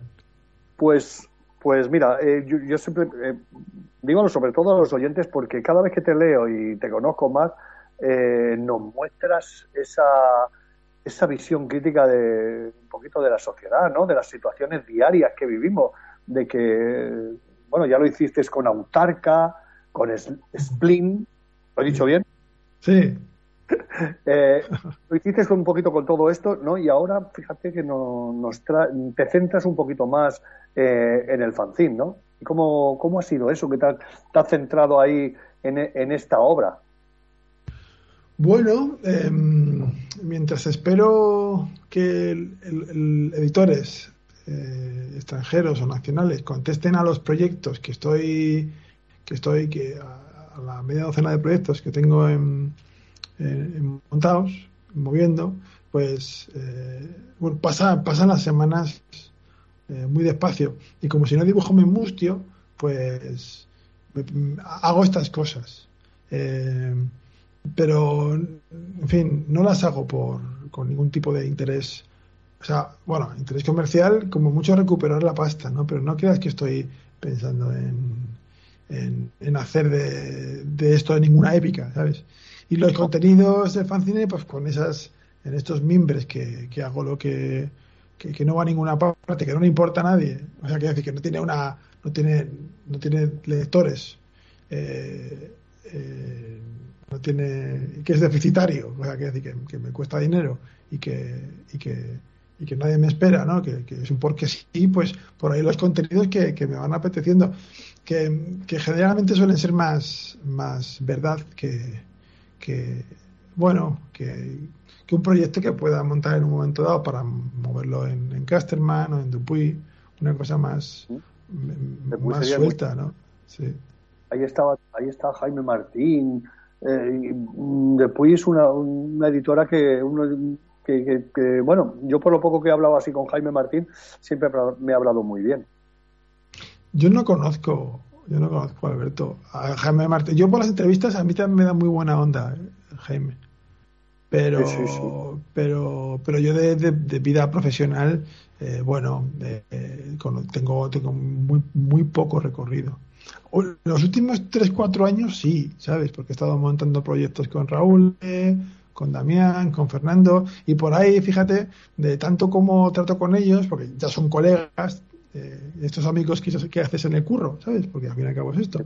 Y, y en estas que, que andaba, que andaba, llevo tres años o cuatro años montando propuestas, pues que como que vino rodado, ¿no? Qué mejor que hacer un número del usted con, pues, de especial guionistas, simplemente. Oye, hablando de usted. Sí. Ay, perdón, te he cortado. No, no, no, eso, ya está, que eso, que hacer, hacer de usted un, un especial guionista. Así que venía votando, venía votando, tío. Pues yo creo, mm, aparte, aparte de que usted, pa- para la persona, sí que a lo mejor a lo mejor le llama la atención ese, ese, ese- este número de especial guionistas, eh, ponnos un poquito en situación, sobre todo al oyente, qué se puede encontrar para que no, que no se centre nada más en el, en, en este, en este número, en este especial guionistas, ¿qué, qué nos ofrece los anteriores números de usted? Wow, pues depende del número. Eh, en algunos hay recopilación de historias. A ver, perdón. Sí, o sea, hay, hay, hay cosas que sí, que sí tienen que ver en todos los números. Todos los números son historias cortas, autoconclusivas, que, que no tienen solución de continuidad. En algunos números hay colaboraciones, de, hay esta gente como Fermín Solís, Miguel Benúñez, Montéis, Ed, eh, Carlos Bermud, cuando dibujaba cómics, eh, yo qué sé, Carlos Máiquez, eh, algunos textos también de corrido, así ilustrados por mí, y, según el número, pues, eh, por ejemplo, el número 10 es, una, es un solo libro de 80 páginas, una sola historia de 80 páginas que, que está, que está como en- dentro del, del número 10. O sea, es Adiós y ojalá está dentro del número 10. Y algunos son también unipersonales, o sea que lo hago yo todo, lo, lo, lo- lo dibujo, lo escribo son historias mías. Eh, y bueno, el fanzine empezó como portafolio, acabó, pasó por, por, por, por ser un, un, pretexto para recopilar las, los tebeos que iba, que iba dibujando y por último y por último es un porque sí es un poco un poco tengo esto un poco porque pues por, pues un poco al final me va representando más es por, por, por, por, ni por insistencia no por perdurar en el tiempo me va representando más el usted que, que estos libros que sacas que acaban acaban descatalogados o olvidados con esta, con esta cantidad de, de novedades. Pero claro, para un público muy reducido, ¿no? Gente que, que sabe un poco lo que hago. Y bueno, al contenido de los tebeos, pues hay una gana de, de poema, ¿no? Hay una gana de metafísica, de, de ontología, de, hay, una gana de tuétano que, que me sale, que me sale, que creo que me sale, la verdad, siendo, siendo, siendo, sí que habrá humildad, siendo honesto. Fíjate que hay una, ahora que has dicho esta, eh, última frase tuya, eh, leyendo el prólogo, eh, repites muchísimo la palabra, la palabra humildad, ¿no? Creo que realizas una reflexión muy buena entre, entre lo que es la comunión entre, ese, entre guionistas y dibujantes, ¿no? Sí, también depende del caso, ¿no? Eh, y, y si está escrito ese texto desde un sitio, no es desde el ámbito del TVO. De hecho, mi, mi, mi, mi, reflexión, mi eureka eh, en estos, en estos años ha sido la de, la de entender que dibujar, dibujar TVOs trasciende dibujar TVOs. No, no tengo por qué estar, eh, o sea, eh, en, el, en, el, en la experiencia pura, dura, eh, verdadera de dibujar TVOs, apenas importa que estés dibujando TVOs. Hay un estar sentado, hay una, hay una cuestión postural, una respiración, un, un cómo te hablas, que, que, en un momento dado, por lo automático, se parece mucho a, a cocinar o a, o a, fregar platos o a conducir, ¿no? Esta cosa de, que dejas el, el, piloto automático, la mente, la mente, empieza su, su, su parloteo, ¿no? Y cómo, y cómo, cómo te tratas, la tratas, eh, y, en estas eh, y en este, y, las prácticas de este, de este ejercicio que me lleva a lo que te acabo de decir fue ponerme a servicio de guionista. Cuando uno es guion a otro completo y, pretende y pretende o porque ha llegado en alguna ocasión a, a estos contenidos, a según qué contenidos, eh, como que eh, bueno, trabajar con guionistas te baja mucho los humos, mucho. Si te pones, si te pones al servicio, si eres un egoico desproporcionado o una especie de monstruo, pues tienes problemas con todo el mundo. Y, y las consecuencias de esto, las, las, las, indirectas, pero muy buenas, respecto al crecimiento, respecto a, a eso espiritual, a, a, lo esotérico, a, lo místico, es que ahora tengo amigos. ¿vale? Raúl uh -huh. es amigo, Damián es amigo, Fernando es amigo, y, y de la, por la otra vía, por la vía de soy autor eh, y por ahí autoridad eh, de, de, mi obra y de, mi, de lo que soy capaz de expresar, pues solo encontraba soledad, eh, muchas horas de muchas horas ciegas, ¿sabes? De, mucha frustración también, mucho agravio comparativo, mucho compararse eh, y, y, por esta vía, por esta vía de la humildad, que es humillación, porque claro, para tragarse el ego no, no te lo tienen que pisar, o sea, el ejercicio de, de, de mortificación del ego es, no, no, es, es, duro, es duro y, y, y, a poco que le ganas un poquito de terreno, bueno, en fin, como es, das un paso, en términos cristianos, es algo así como que das un, paso, un paso hacia Dios y Dios da 100 hacia ti, ¿vale? A poco que le ganas un poco de terreno a Dios, el, el campo que dejas perdón, a poco que ganas un poco de terreno al ego, el campo que dejas a, que dejas libre se llena de, de jardines, tío, de, maravillas, de amor, de, amigos, tío. Sí, sí, sí. Eh, to, totalmente toda la razón. Es que hay muchos con, algunos egos que, vamos, que te dejan sí. un poco de aquella manera. Pues oye, es una reflexión son muy, pero que muy, muy buena, ¿no? Y esto lo intento meter en mis tebeos, Alberto. Esto lo intento meter en mis tebeos. Qué bueno. Oye, Mireia Berenguer, Juan Díaz Canales, Raúl, como bien habéis dicho, Damián Campanario, eh, Fernando Llor, Javier Marquina, Miguel Ángel Giner, Ant Antoine Osanán, Jean-Christophe Devaney y, bueno, y tú al dibujo. ¿Cómo, ¿Cómo decides decir, oye, voy a coger, voy a, voy a apuntarme esta historia en el usted y me voy a coger guionistas que conozco, que son amigos, y voy a montar historias. ¿Cómo se lo planteas a ellos? De una manera muy, muy, bueno, iba a decir rebotada, pero no, como muy causal. ¿Sabes? Como, bueno, eh, eh, a lo largo de los años estás colaborando con Peña, eh, has montado una media de tres proyectos con cada uno de ellos, bueno, menos con Juan Díaz Canales y con Miguel Ángel Giner, pero bueno, con la mayoría de ellos, ¿no? Y, y, qué más da hacer tres o cuatro páginas para un proyecto que hacer tres o cuatro páginas de una historia corta. También debo decirte, eh, no, le he hecho jeta, eh, no le pido a los colaboradores que produzcan. Aparte, como le voy a pedir a Juan, Díaz, a Juan Díaz Canales que haga páginas para Fancy, por el amor de Dios. Eh, pero, pero bueno, le preguntas, oye, ¿tienes algo aún en la carpeta que te represente, que no te dé vergüenza que verlo dibujado? Y, y por ahí y por ahí me ofrezco y, ha salido bien, sí, sí. Es que, a ver, eh, el elenco que tienes ahí, no, ni mucho menos. Además, en el mundo del cómic en el mundo del TVO, si no mm, visto, he hecho la vista un poco, sobre todo todos estos años, estos 10 años atrás, y veo mucho camaradería, mucho compadreo, mucho de esto, mm, que es lo mejor, porque es un mundo, estamos hablando, bueno, un mundo, un mercado, llamarlo, que no es, no es el mercado belga, ni el mercado francés, ni mucho menos el mercado estadounidense, pero que si no os ayudáis, si no oye una colaboración aquí, una colaboración allá, no es que no sé, no el mundo, de, sobre todo el, lo que es el cómic nacional nuestro, iría al galete todo. Sí, hay mucha asociación, ¿verdad? El ARG, por ejemplo, se están haciendo cosas a nivel fuera del, gueto, del TVO, aunque, bueno, me, refiero al gueto a esta cosa, bueno, sí, que al fin y al cabo los TVO los leen, aunque los leen más gente, eso es una cosa, entiéndeme, no son videojuegos, no son, es como la poesía, ¿no? Que es una cosa muy, muy concreta.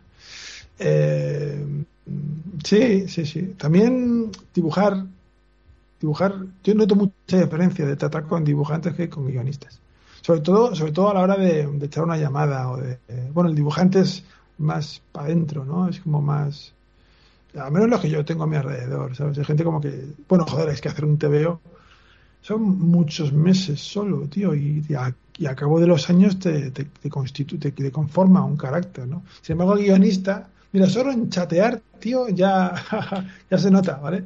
Porque, bueno, más que bien, pues uno escribe rápido, tiene falta de ortografía, pero tratar con guionistas en, WhatsApp es, es, es, es, muy fino, ¿sabes? Porque, porque escriben bien, puntúan guay, y a veces y a veces parece uno medio subnormal escribiendo. Eh, yo eh, en estas, por la comedia, te digo, Alberto, que, que, he decidido con, comunicarme con, con, con, la gente con la que me escribo, con guionistas, vía mail, porque puedo, puedo escribir con, con, más orden y con más afecto también, ¿sabes? Porque si no, en fin, ya solo el puto protocolo que hace falta para abrir un, un WhatsApp, hola, ¿qué tal? Ta, ta, ta, toda esta cosa de este interés que, que muestras porque es sincero, pero claro, vía en lo epistolar hay más, hay más verdad, tío. ¿Sabes? Más que esta cosa. Oye, fíjate, ahora hablando de, sobre todo esto de, del WhatsApp, de bueno, mi email y tal, las dos primeras me han matado. Muy, sobre todo la primera. La primera es la de, la de que es la de Raúl. ¿eh? Sí. Bueno, eh, no eres tú, es muy de Raúl, ¿eh? es muy de, de, su carácter, ¿no? Y después viendo el camino, te digo, viendo la segunda de, de Marquina, de Javier Marquina, eh, también lo veo mucho de su carácter muy fantasioso, muy, muy como, como es él, de, historias así muy, muy fantasiosas, ¿no? Sí, tiene un punto de género lo de Marquina, que es un poco, a ver, haciendo una cosa heterodoxa, pero, pero sí, tiene un punto de género. Eh, sí, sí. Y luego esto del insight también me llama, me, llama mucho, sí, como que me entra, güey. Con algunos simpatizas más y menos, pero bueno, creo que era Fernando, el propio Fernando ayer decía que en abierto, en, un post, cuando me, echó, cuando me echó el cable y le di un poco de coba en redes, dijo que se, que se leen un poco, o sea que no te cambia la vida el fanzine, pero te lo lees, entra solo, ¿vale? Y, a veces entretener, bueno, no sé, a ver, yo pretendo otra cosa y por eso pongo mi TVO al final y creo que, que algo llega, ¿no? Esa, ese aquietarse a que invito en el TVO, ¿no? Em, pero pero bueno, son, son historias, son, son como zarzuelillas, ¿no? Como entre meses, ¿no? entretenido. Y, luego, claro, pasa, lo que pasa es que Alberto, entretenido, escrito por Peña, que tiene un oficio que se te va la olla, ¿sabes? Entonces, a poco que esta gente haga una historia eh, circunstancial o anecdótica, como, como está, como tiene, como es un relojito, ¿sabes? Como es un reloj, pues, pues da gusto leerlo, claro, y dibujarlo, claro que sí. Hombre, claro, y estos que tienen ya con estos vienen con mucha experiencia, sobre todo, ya te digo, bueno, yo todos, todos, y bueno, el tema con, con Juan Díaz Canales, bueno, es, eh, eh, trabajar con este hombre, vamos, estamos hablando de uno, de nuestras primeras espadas, no es por desmerecer a, a, todos los demás, pero bueno, eh, es un auténtico lujo, ¿no? Que, que hayas, dado. Mira, fíjate, y me, hace mucha gracia, bueno, quien, pues, quien conozca más o menos a Juan Díaz Canales, bueno, tenga la visión suya, me, hace mucha gracia el, el, auge y sobre todo el título de, de, su historia. claro. caída de claro, ¿no?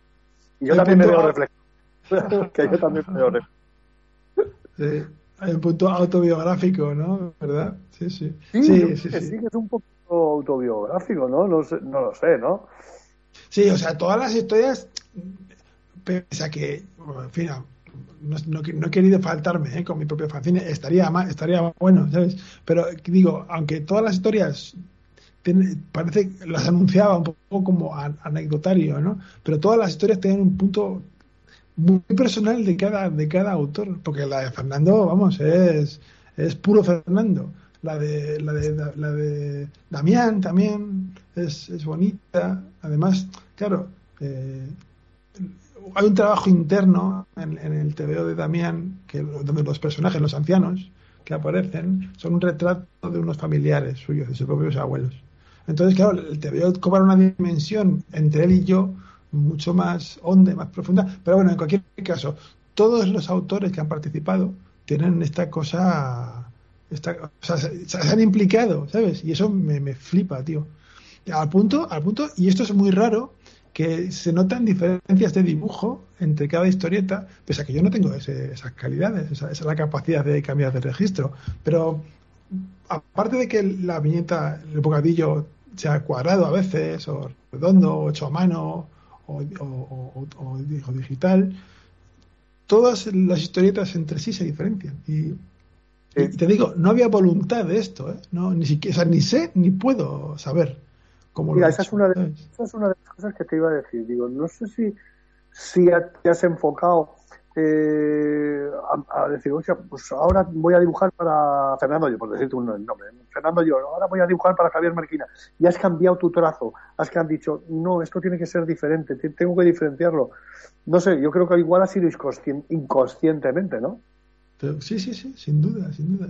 lo único que unifica las historietas, que también me sabe un poquito más porque, joder, ya que tengo, tengo muchos, hay muy buenos guionistas, es una oportunidad para para venderme yo, para montar proyectos, más proyectos con ellos, ¿no? Pero, em, ¿qué te voy a decir? Eh, eh, lo que unifica todas las historietas es que están hechas, un, están dibujadas un poco a matacaballo, ¿sabes? O sea, claro, el momento en el que esto no me da dinero, que lo pierdo, que lo hago porque sí, que no le importa a nadie y no tiene ventas, no, me puedo, no puedo enamorarme, no, puedo ponerle al dibujo una, un, un cuidado y un detalle y, qué loco, tío, porque dibujar a, así a, bien, bien deprisa, con urgencia, con urgencia, pero también, o sea, que decir, sacando páginas, ¿vale? Que no es lo que hago con los proyectos que monto con Raúl, ¿eh? que no es lo, que hago con lo, con, lo, que hice con Plotpoint, que no es lo que hice, creo que, lo, que, lo que hice con, con Damián. Pero, pero es, es raro que en eso espontáneo, que te da dibujar rápido, he encontrado cuestiones así de, o sea, soluciones de dibujo y sobre todo estos diferentes registros entre, entre, entre historietas, ¿no? Que, a ver, que no es una cosa, no es una cosa loca, ¿sabes? Pero, pero bueno, eh, aprende uno a dibujar también así por la, por la circunstancia, por la coyuntura, ¿sabes? Aprende uno lenguajes, maneras, modos, está muy bien. y mm, yo creo que, y lo que veo mucho, son sentimientos, sentimientos y situaciones sobre todo de la vida, personalidades, ¿no? Como por ejemplo el de, el de Fernando York, que me llama muchísimo la atención. El no seas como Carlos, ¿no? Que, que, tiene, que, que, a veces la felicidad no es un like o un estado de salud, hay que buscar las cosas. Sí, ni siquiera un objetivo cumplido, eh, más el proceso, ¿no?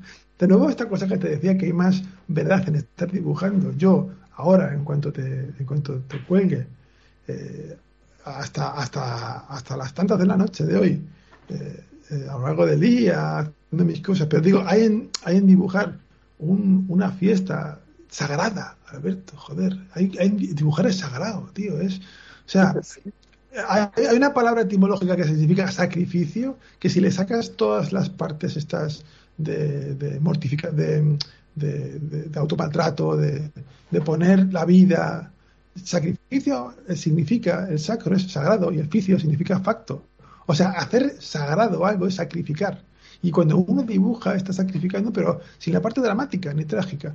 Quiero decirte con esto que, que no hay en, el, en, el, en, el, en lo que va a pasar eh, mañana cuando consigas el éxito o consigas a la chica que quieres o el dinero que estás, eh, el, ahorro que quieres hacer, hay en, en tanto que en tanto que latido una hora a cada hora que es ahora y ahora y ahora y a cada hora que digo y es una fiesta, es un festival y está vivo, tío. No, no, no, no, es, no, es- no- está esperando nada de ti, simplemente que bueno, que, que lo atiendas, que sea que lo contemples, ¿no? Que, lo- vivas, que lo vivas, que lo vivas, que seas, que lo seas, tío. Ontología otra vez, ¿no? Sí, sí. Oye, mira, hay una, hay, hay un, hay una cosa que me ha llamado muchísimo la atención, no sé si sería tuya o de Fernando, ¿no? Eh, que pone, cuando está él dibujando y debajo hay una especie como un manual de, de autoayuda. No sé, yo soy un afortunado, vivo de lo que me gusta. Y el tío está ahí, lo has puesto ahí con los brazos cruzados, ¿no? Como súper súper bien satisfecho, ¿no? Como diciendo, no sé, no sé si es que era, era ese el objetivo como manual de, au- de autoayuda o qué, ¿no? Bueno, Alberto, digo, Fernando tiene más mala baba que todo eso.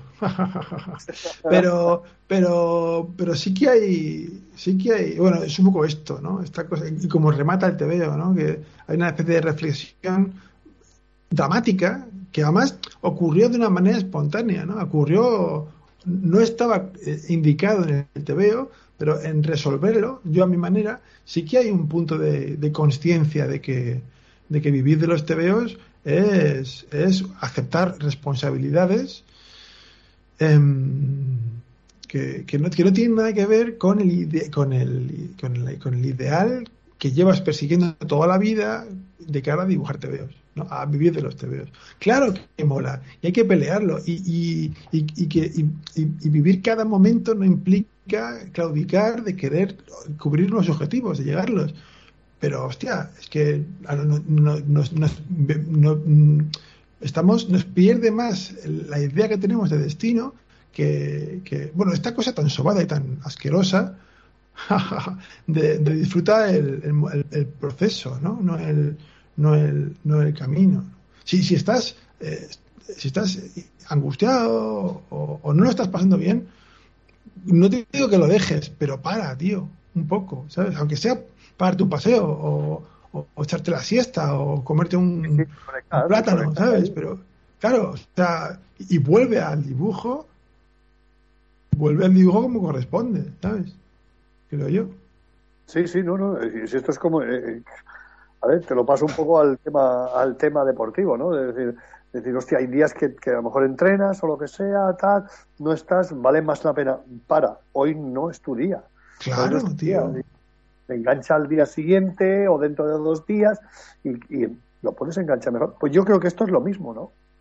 Tenemos un presupuesto, tenemos un presupuesto muy tóxico de lo que es dibujar de- de- con el éxito en los TVOs. Y como hay cuatro duros, no hay más que rencillas y mala folla, ¿sabes? entre, entre autores. Claro, porque si hubiera, si hubiera pasta como para que cupiéramos, como para tener una vida digna, muchos de nosotros, pues todavía, pero aparte, como si hubiera una, una plaza eh, a la que aspiramos todos.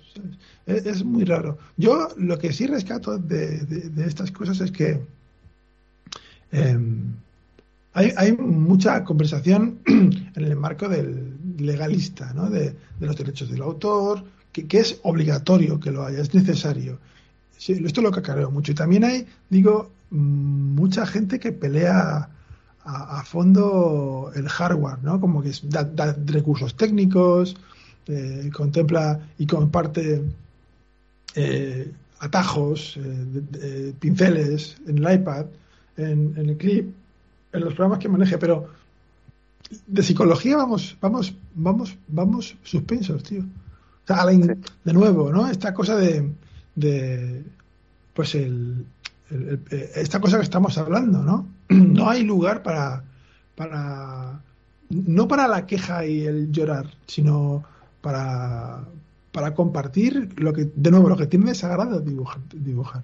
Lo que tiene de íntimo, tío. Y no quiero inflarlo, ¿eh? No estoy diciendo que esto sea más importante que otra cosa. Lo que quiero decir es que está ahí y no se le hace puto caso. Estamos, está la peña rota, tío, por dibujar tebeos.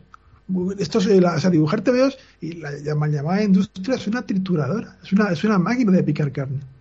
Está la gente, eh, en fin, eh, me parece, es como una relación tóxica con, con, con- con tu pareja, ¿sabes? con una expareja o con lo. Hostia, eh, ahí no se habla, no se habla lo suficiente. Y No, no. es más, me ha, ocurrido, me ha ocurrido que cuando he sacado este tema a boca perro de te das cuenta que, que en dibujar, yo qué sé, tío, eh, o sea, ¿cuánto, ¿cuántas veces nos ponemos la radio, la música y no estamos en silencio? ¿Cuánto tiempo eres capaz de aguantar en silencio dibujando? Y esto, cuando lo desarrollas o hablas de, de, tensión, no sé, en fin, la, propia tensión de los dedos, con qué coges el lápiz, eh, o sea, que porque luego es muy físico y se me ha dicho, bueno, sí, tus cosas, tío. Aquí lo que importa es el qué, exactamente, ¿sabes? Si te vas a morir y te pasas toda la vida dibujando. ¿Qué quieres? ¿Un futuro? ¿Un futuro de cara a los próximos autores del cómic que tengan mejores situaciones? Si se va a apagar el sol, ¿qué quieres?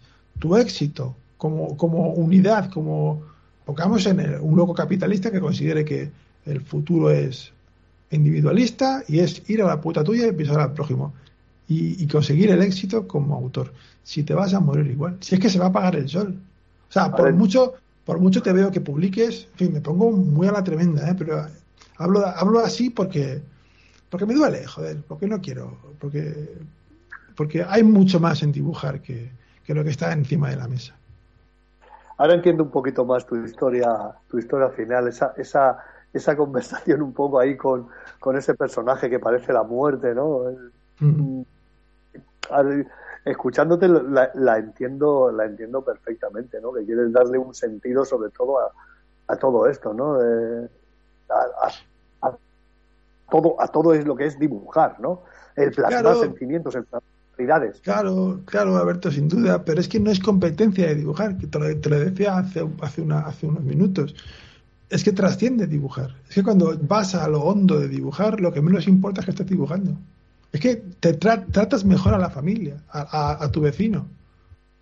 ¿Sabes? Y te digo, ¿eh? no hablo de ser, no hablo en lo relativo de ser un, un parguela y ser un, un- un amable que recibe collejas.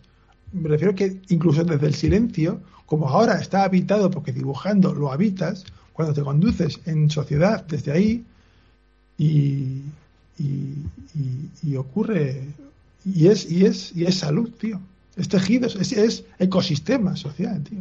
Y no es una cosa, yo digo que no es una cosa que que, que, que- o sea, claro, que se puede comprobar, claro que lo puedes eh, chequear, lo puedes registrar, pero es después, es tras la experiencia de serenidad, todos como que se ordenan las cosas, tío.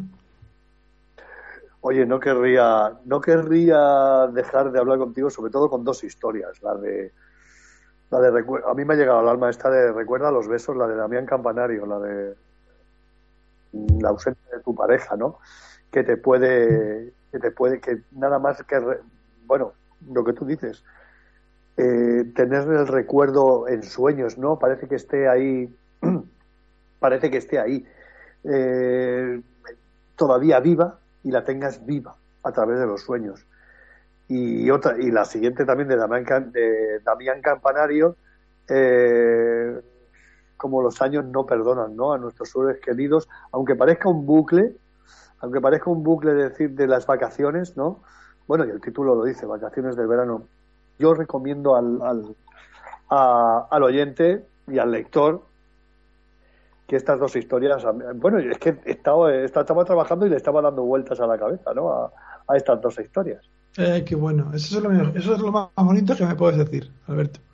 Sí, esa, esa, esa, esa, compañía en esa emoción honda, tío, ese, ese arrojar la propia luz, la luz del propio camino en, en las, en, las, en, la, intimidad de, del lector, en afecto, en amor, eso es un gol. Luego si te haces rico de puta madre, pero si no hay de eso, ya le pueden dar por culo a los TVOs, ya lo que sea. Sí que es verdad. La de, la de vacaciones de verano, desde luego, es, eh, es de las que te llega. No sé, bueno, no sé si tu intención era, era dibujarla. Mira, precisamente lo tengo, lo tengo aquí delante. No sé si tu intención era dibujarla así un poco en bucle, ¿no? Bueno, no quiero hacer ningún spoiler, bucle en el sentido de, que las vacaciones, de, de, que cuando eres pequeño y cómo vas creciendo y cómo en esas vacaciones pues te vienen a recoger personas, que en este caso son tus abuelos y tal, ¿no? Y bueno, lo refleja, no sé si tu intención era, era hacerlo así, ¿no? Con, eh, en cada viñeta pones un año, ¿no? Está, está bien. ese fue cosa de, Damián, Alberto, y, y, es un acierto, que Damián es muy, pues, muy grande. Bueno, todos. Es que, claro, esto lo he dicho otras veces, pero a poco que este, estos capos hacen una cosa eh, eh, sin que de una manera natural, de una manera espontánea, es que es, es, es que queda así de bien. Y luego además, pues eh, también eh, es, muy buena gente y, quiere mucho a su familia. Entonces esto se nota, se nota. Su abuela, su abuelo. Por ahí, claro, que quien recuerda los besos, mi, mi, voluntad privada con él, aunque ahora la haga pública y lo, y lo, y lo estropeo un poco contigo, pero mi voluntad privada en ese TVO es que los, los ancianos, los, los, ancianos anónimos que iban a ser, que son los que iban a ser los protagonistas de esa historia, fueran sus, abuelos para los que les pedí fotografía y documentación. Pero, pero claro, porque Claro, la relación. Es que, claro, la, la, gestión del TV es otra. Y mira que hay peña que me ha dicho que es ñoña la historia, que, que, es la más paragosa, pero a mí me parece la más auténtica por, por la parte que invisible, por las bambalinas que tiene. Hay, hay más amor en ese TVO que.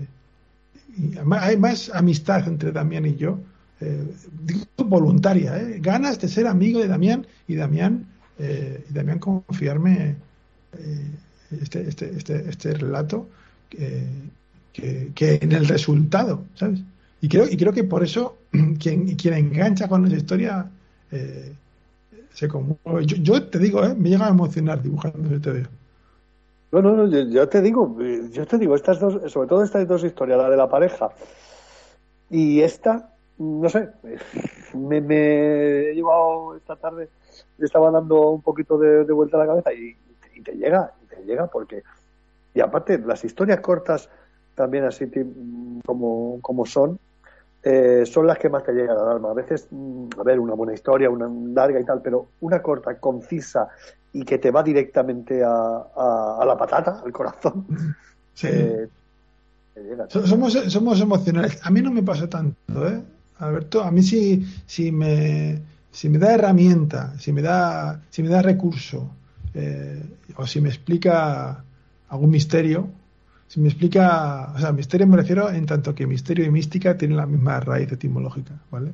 Si tiene un punto de sabiduría eh, y no solo de emoción, a mí mejor, porque también me pone muy de mala hostia esta cosa dirigida, ¿sabes? Forzada de, de ahora te voy a hacer llorar porque conozco el lenguaje, conozco los mecanismos, tengo la psicología suficiente como para, para manipularte. Y eso me da una rabia, tío, que, flipas. Sin embargo, sin embargo, que haya un punto, tío, científico en explicar eh, eh, que nos vamos a morir. Eh, y no hablo de la del, no hablo de la parte biológica, mecánica, de nos oxidamos, bla, bla, sino la, emoción de vértigo, de abismo que hay ahí. Si le metes ciencia, si le metes epistemología, que es observación, que es la raíz de la ciencia, que es esta cosa de que observas las cosas al punto de sacar conclusiones. Pero si adentro de alguien, de uno, de un autor, se ha mirado lo suficiente y es capaz de poner encima de la mesa qué onda con cuestiones, poner en la obra qué onda con cuestiones que a todos nos atraviesan, a mí eso, a mí eso es donde me, en los espejos en los que me miro, que lo tienen, lo tienen las bibliotecas eh, lo tienen lo tienen los libros que nos han que, han sobrevivido a a, a- a los a, pues, a los años claro. Sí sí las décadas y los siglos. Estas cosas estas cosas vivas tío que, ah, no tienes que en fin que, que, las lees y, te te movilizan pero tampoco de una manera o sea entiendes no que, que, que, te, que te resuenan tío que vibras en ese acorde sabes como cuando das un la en una tienda de guitarras que todas las guitarras suenan en la por cuestiones de ondas de vibración pues esa mierda tío. Eso es lo que yo lo, que yo más disfruto de un libro y lo que pretendo dibujando. Escribiendo mis tebeos Es un placer hablar, hablar contigo, de- desde luego, de, esta filosofía de vida. Oye, ¿dónde podemos encontrar eh, el usted? ¿Dónde lo podemos adquirir? si, eh, si te vas, si pones en Google Yojimbo Comics, es una tienda de aquí de Valencia de cómics, que ellos tienen la distribución, me la llevan, y también en eh, Underbrain Bookstore, que es una tienda de eh, Bowman. Esto pones Underbrain Bookstore. Mi pronunciación en inglés es una mierda, pero como el Google es muy listo, te lo va a encontrar, a poco que lo escribas mal o medio bien. Eh, es, eh, es un, eh, tengo el placer de haberle hecho alguna, algunas entrevistas y haber estado en el Ocomic Fest. Te Mm. recomiendo que vengas, un, que, que vengas un año. Creo, no sé si has estado alguna vez. No, Pues te recomiendo que vengas, porque lo vas a disfrutar y vas a poder hablar y, tener allí o exponer tu- tus trabajos. Guay, guay. Además estoy de feria en feria. Me ha animado. He encontrado a un, buen amigo con quien, con quien, una persona normal, con quien irme, digo, no un autoeditor, me refiero, porque están todos bastante psicotraya. Eh, eh, con quien con quien me hago eventualmente una feria, viajo, estuve en el Guter de Barcelona, eh, sí, sí, de vez en cuando salgo de, de casa a vender los fanzines, así que tomo nota de, de este sitio, de, de lo que me dices y, se- y- y- y hago por, por hago por comentarle a, a- a- a Tomás. Oye, ya para, para acabar, tienes aquí una Mm. historia que me ha llamado un poquito la atención. La, Sí. ¿Y eso tiene el Mister? Dime, dime, no, no- no te entendí. Perdona, eh, que tienes aquí otra historia que, que la he, Sí. ido, la he ido viendo y tal. Eh, si es otro fanzine, el Mister. Ah, claro, claro. No, no conoces el Mister, Alberto, no, parece que no. El Mister es un fanzine de, de, de- textos cortos, de prosa Sí. poética, pretendo, y de dibujos en natural. Yo, yo con ese fanzine lo que hago es recopilar, recopilaba, porque ya no hace mucho que no produzco, pero recopilaba textos que, que eran protoideas para algún tebeo y, y recopilaba también, pues como dibujaba mucho del natural, eh, pues juntaba una cosa con la otra y hice cinco números. Y el, cinco- el quinto salió hace un mes, como que dice, o tres meses, o dos meses. Y tengo un sexto número inédito, tengo un sexto número inédito que, ya publicaré, si Dios quiere. Genial, Esteban, genial. Es un inmenso placer hablar contigo, disfrutar de, de- de tu forma, de tu forma sobre todo de enfocar la vida, enfocar los cómics, enfocar tu trabajo. Es un auténtico, es un auténtico placer hablar contigo y estoy deseando, deseando verte pronto. Que esta vez a ver si hacemos un cafetito, que la otra vez estuvimos ahí un momento hablando entre una cosa, entre firmas y todo el rollo y no pudimos hacerlo. Claro, en Barcelona, ¿verdad? Me acuerdo Sí. bien. Una autarca Un- que viniste. Un, un gusto, Alberto, y muchas gracias por hacerme un hueco en, en tu canal, en tu programa, a tope con Radio Gabá, a tope contigo y gracias, de veras, tío. Pues oye, nos vemos y iremos dando, iremos, pondremos los enlaces para que la gente, sobre todo, pues se vaya, vaya, vaya, se quiera hacer con, con estos, con, con estos títulos, ¿vale? Claro, muchas gracias, Alberto. Esteban, un placer. Y venga, no, que me encanta de saber de tus historias, ¿vale? Claro que sí. Un abrazo grande, Alberto. Un saludo, un saludo. Chao. Thank you.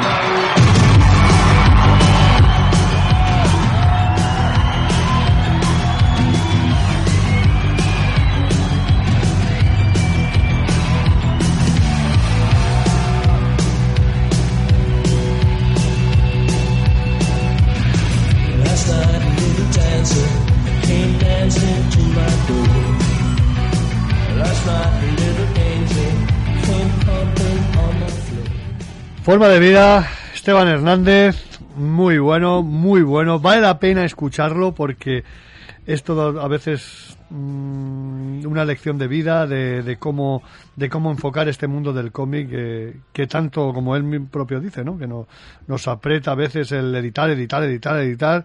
Buscas editores en- o la forma de editarlo y a veces es hay que tomárselo contar hasta tres y tomárselo de forma mucho más pausada. Eh, la semana que viene, os cuento, tenemos dos historias. El lunes tenemos la tercera entrega de este, este serial que hemos hecho con el inmortal, con Rafa Eilander, eh, que es ni más ni menos que ir analizando todas las películas de, de James Bond, ¿no? Hacemos nuestra tercera entrega. Hacemos la tercera entrega Goldfinger.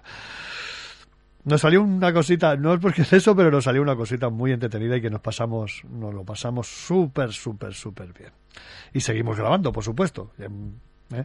Eh, después, el martes, tendremos un programa muy, muy, muy, muy de la calle. Muy de héroes de alquiler. No os digo más. Y tendremos mucha música, por supuesto. Y mucho héroe de alquiler. Mucha Black Exploitation. No os digo más. El martes lo descubrís. Y así que sin más. Eh, nos despedimos. ¿Queréis leer un cómic por la radio? Aquí, en Radio Gaba. Gracias y hasta la semana que viene.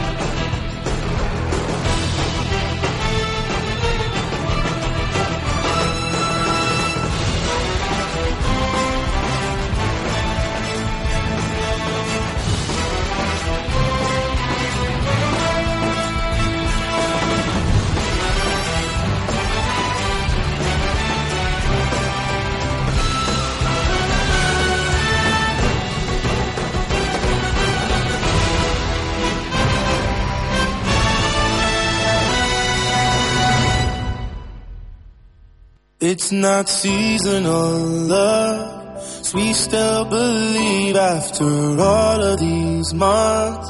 Both still right here, we know winter will come.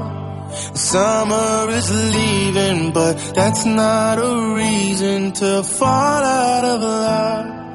I don't wanna run. Rather take a bullet to my head than give you up put some roses on my grave when it's said and done. You're forever and always my one of one. I can't live without.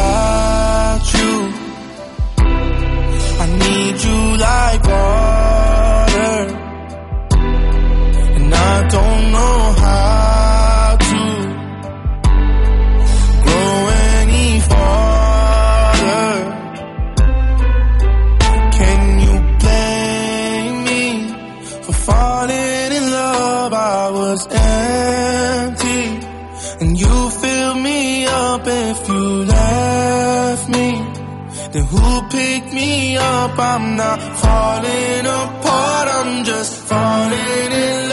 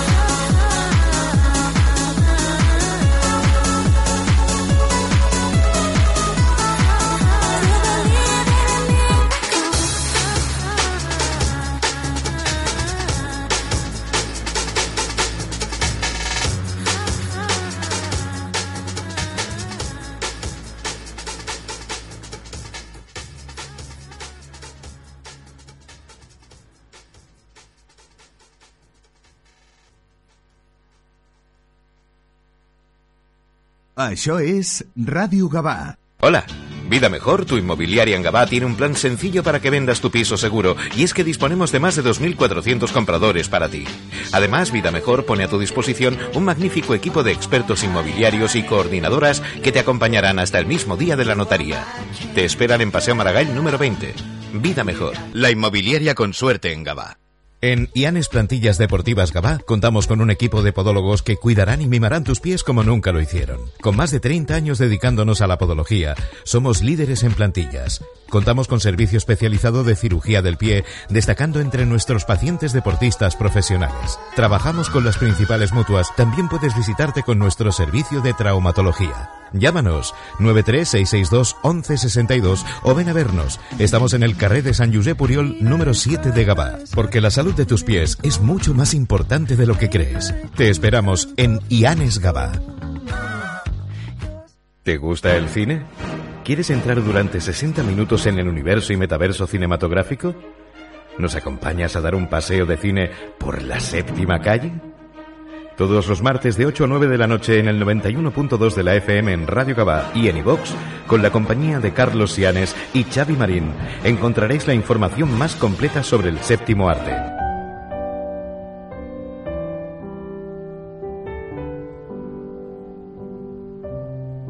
Novedades y estrenos en salas de cine, las mejores bandas sonoras, clásicos, estrenos en televisión y en plataformas, series. No te pierdas. La séptima calle.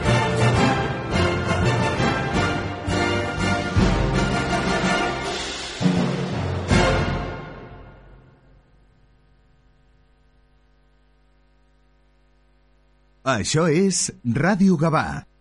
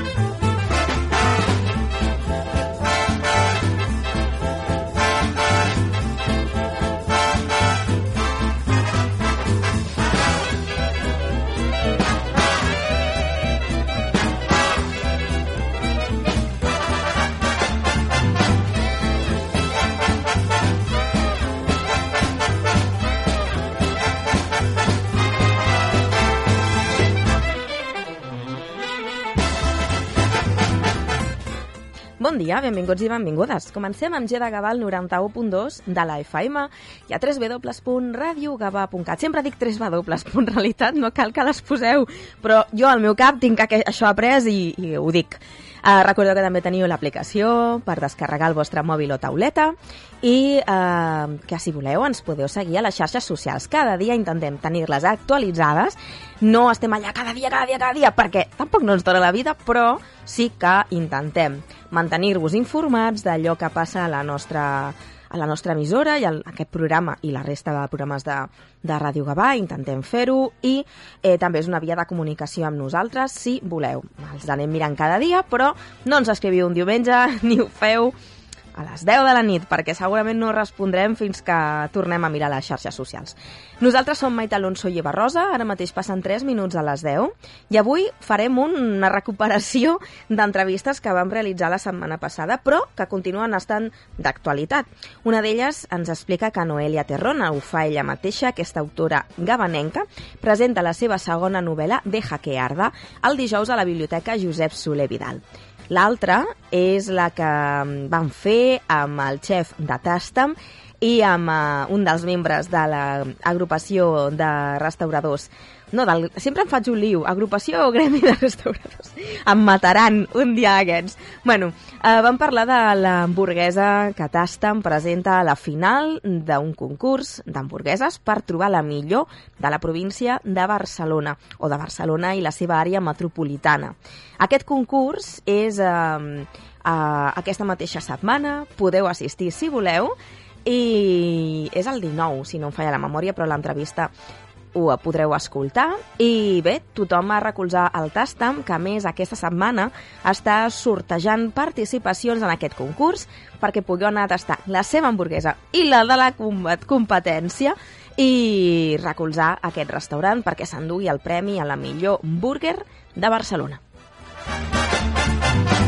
Si us interessa participar d'aquest sorteig per poder participar d'aquesta final el divendres a Barcelona, a l'estació de França, amb un restaurant que està allà, aneu a les xarxes socials del Tastam. Des d'aquí, el nostre suport. I avui tancarem el programa amb astrologia. El Germán Barrueco torna després de la pausa nadalenca, el vam tenir doncs, a gairebé finals, just abans del Nadal, gairebé final de desembre, i ens ve a explicar coses. Jo aquests dies he estat escoltant coses d'astrologia i diuen que venen canvis, que ve una revolució, que si Plutón en Aquario, que si no sé què històries. Necessitem que el Herman ens aclareixi què és el que hem d'esperar les properes setmanes i mesos pel que fa a l'astrologia i la seva influència. A veure, tots els aquaris, Plutón en aquari, això que significa, estigueu atents. I la resta de persones, doncs, també, si teniu curiositat. Eh, gràcies per haver-nos triat entre tota l'oferta radiofònica. Començarem mirant les portades dels diaris.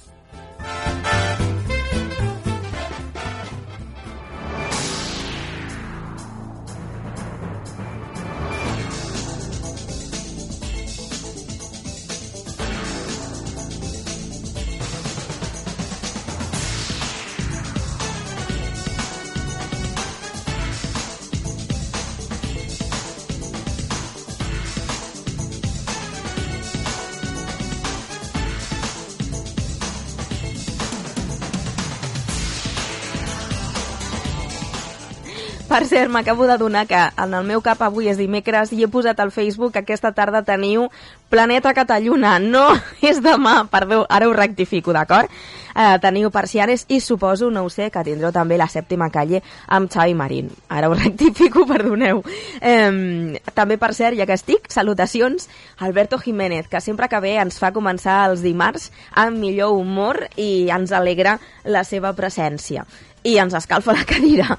El diari El País avui ens diu el document PSOE Junts no concreta les sessions en immigració. El test només anuncia una llei per la delegació de la gestió integral. La violència a Israel i al Mar Roig eh, fa més dur el conflicte. Un atemptat a Tel Aviv i un míssil contra un vaixell d'Estats Units agreuixen la por a una escalada regional per la guerra a Gaza. Per una altra banda, el mínim accent de l'IRPF pujarà per alinear-se amb el SMI, amb el salari mínim interprofessional. Un 44% dels homes creu que ara se'ls discrimina. Crec que és una xifra molt alta.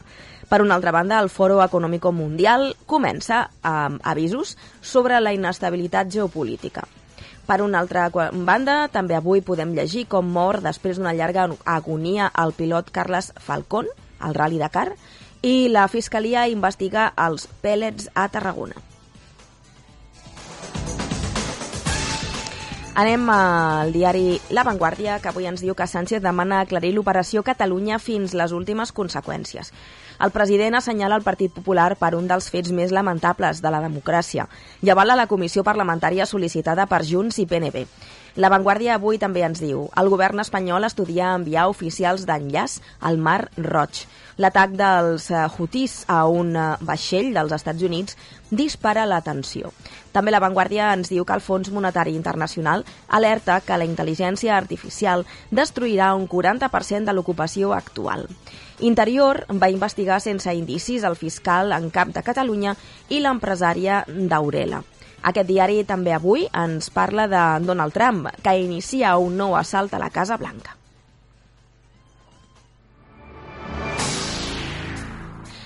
El diari La Vanguardia també destaca avui els premis The Best. Aitana Bonmatí i Messi han estat triat com, triats com els millors. Un 44% dels homes es veuen discriminats, també destaca avui La Vanguardia. El diari El Periódico ens diu que 6 de cada 10 milanistes de Barcelona venen de l'estranger. El padró municipal constata una revolució demogràfica. La població immigrant manté a la superfície la franja de ciutadans entre 25 i 39 anys. La baixa natalitat i l'èxode urbà minven la xifra de barcelonins de Bressol.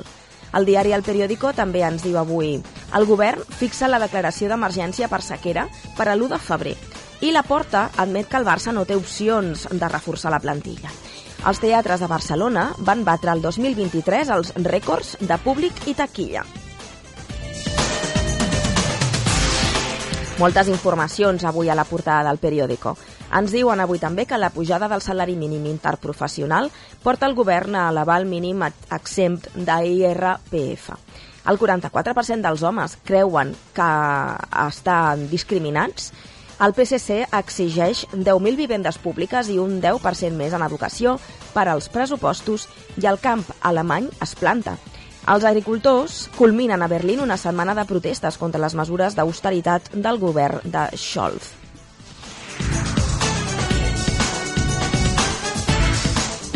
El diari Ara avui també destaca aquestes protestes a Alemanya. Berlín bloquejat pels pagesos. També avui podem llegir que 4 de cada 10 homes creuen que la igualtat ha anat massa lluny. Nou rècord de donació d'òrgans, amb 4 operacions cada dia. El Fons Monetari Internacional diu que la intel·ligència artificial afectarà 6 de cada 10 feines. El diari Ara parla de la pressió a Rajoy per l'operació Catalunya i Aitana també triomfa al The Best. El trofeu proclama la migcampista del Barça millor jugadora del 2023.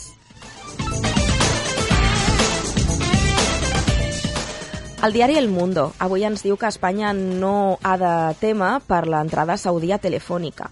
També ens parla de Bascal, diu que obrirà la cúpula de Vox als líders territorials per calmar la rebel·lió. La policia exigeix a Marlaska més recolzament públic als agents de l'1 d'octubre a Catalunya. Sumar refusa Bolaños per negociar amb Podem en les seves competències i aquest rotatiu també ens parla avui d'altres eh, qüestions, com per exemple el projecte antipornografia per menors que obliga a tots els usuaris a fer donar el DNI.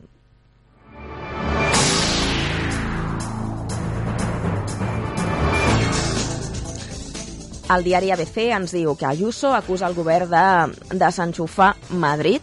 Transició ecològica refusa ampliar el subministrament elèctric per desenes de projectes tecnològics. També diu les pasteres de Barajas que Marlaska va negar.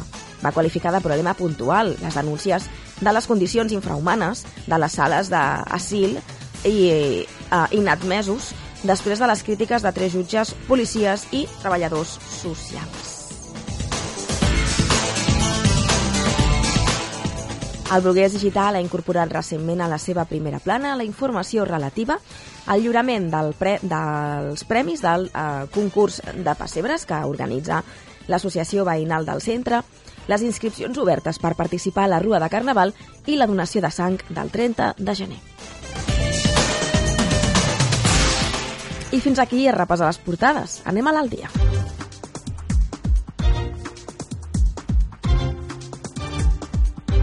al dia.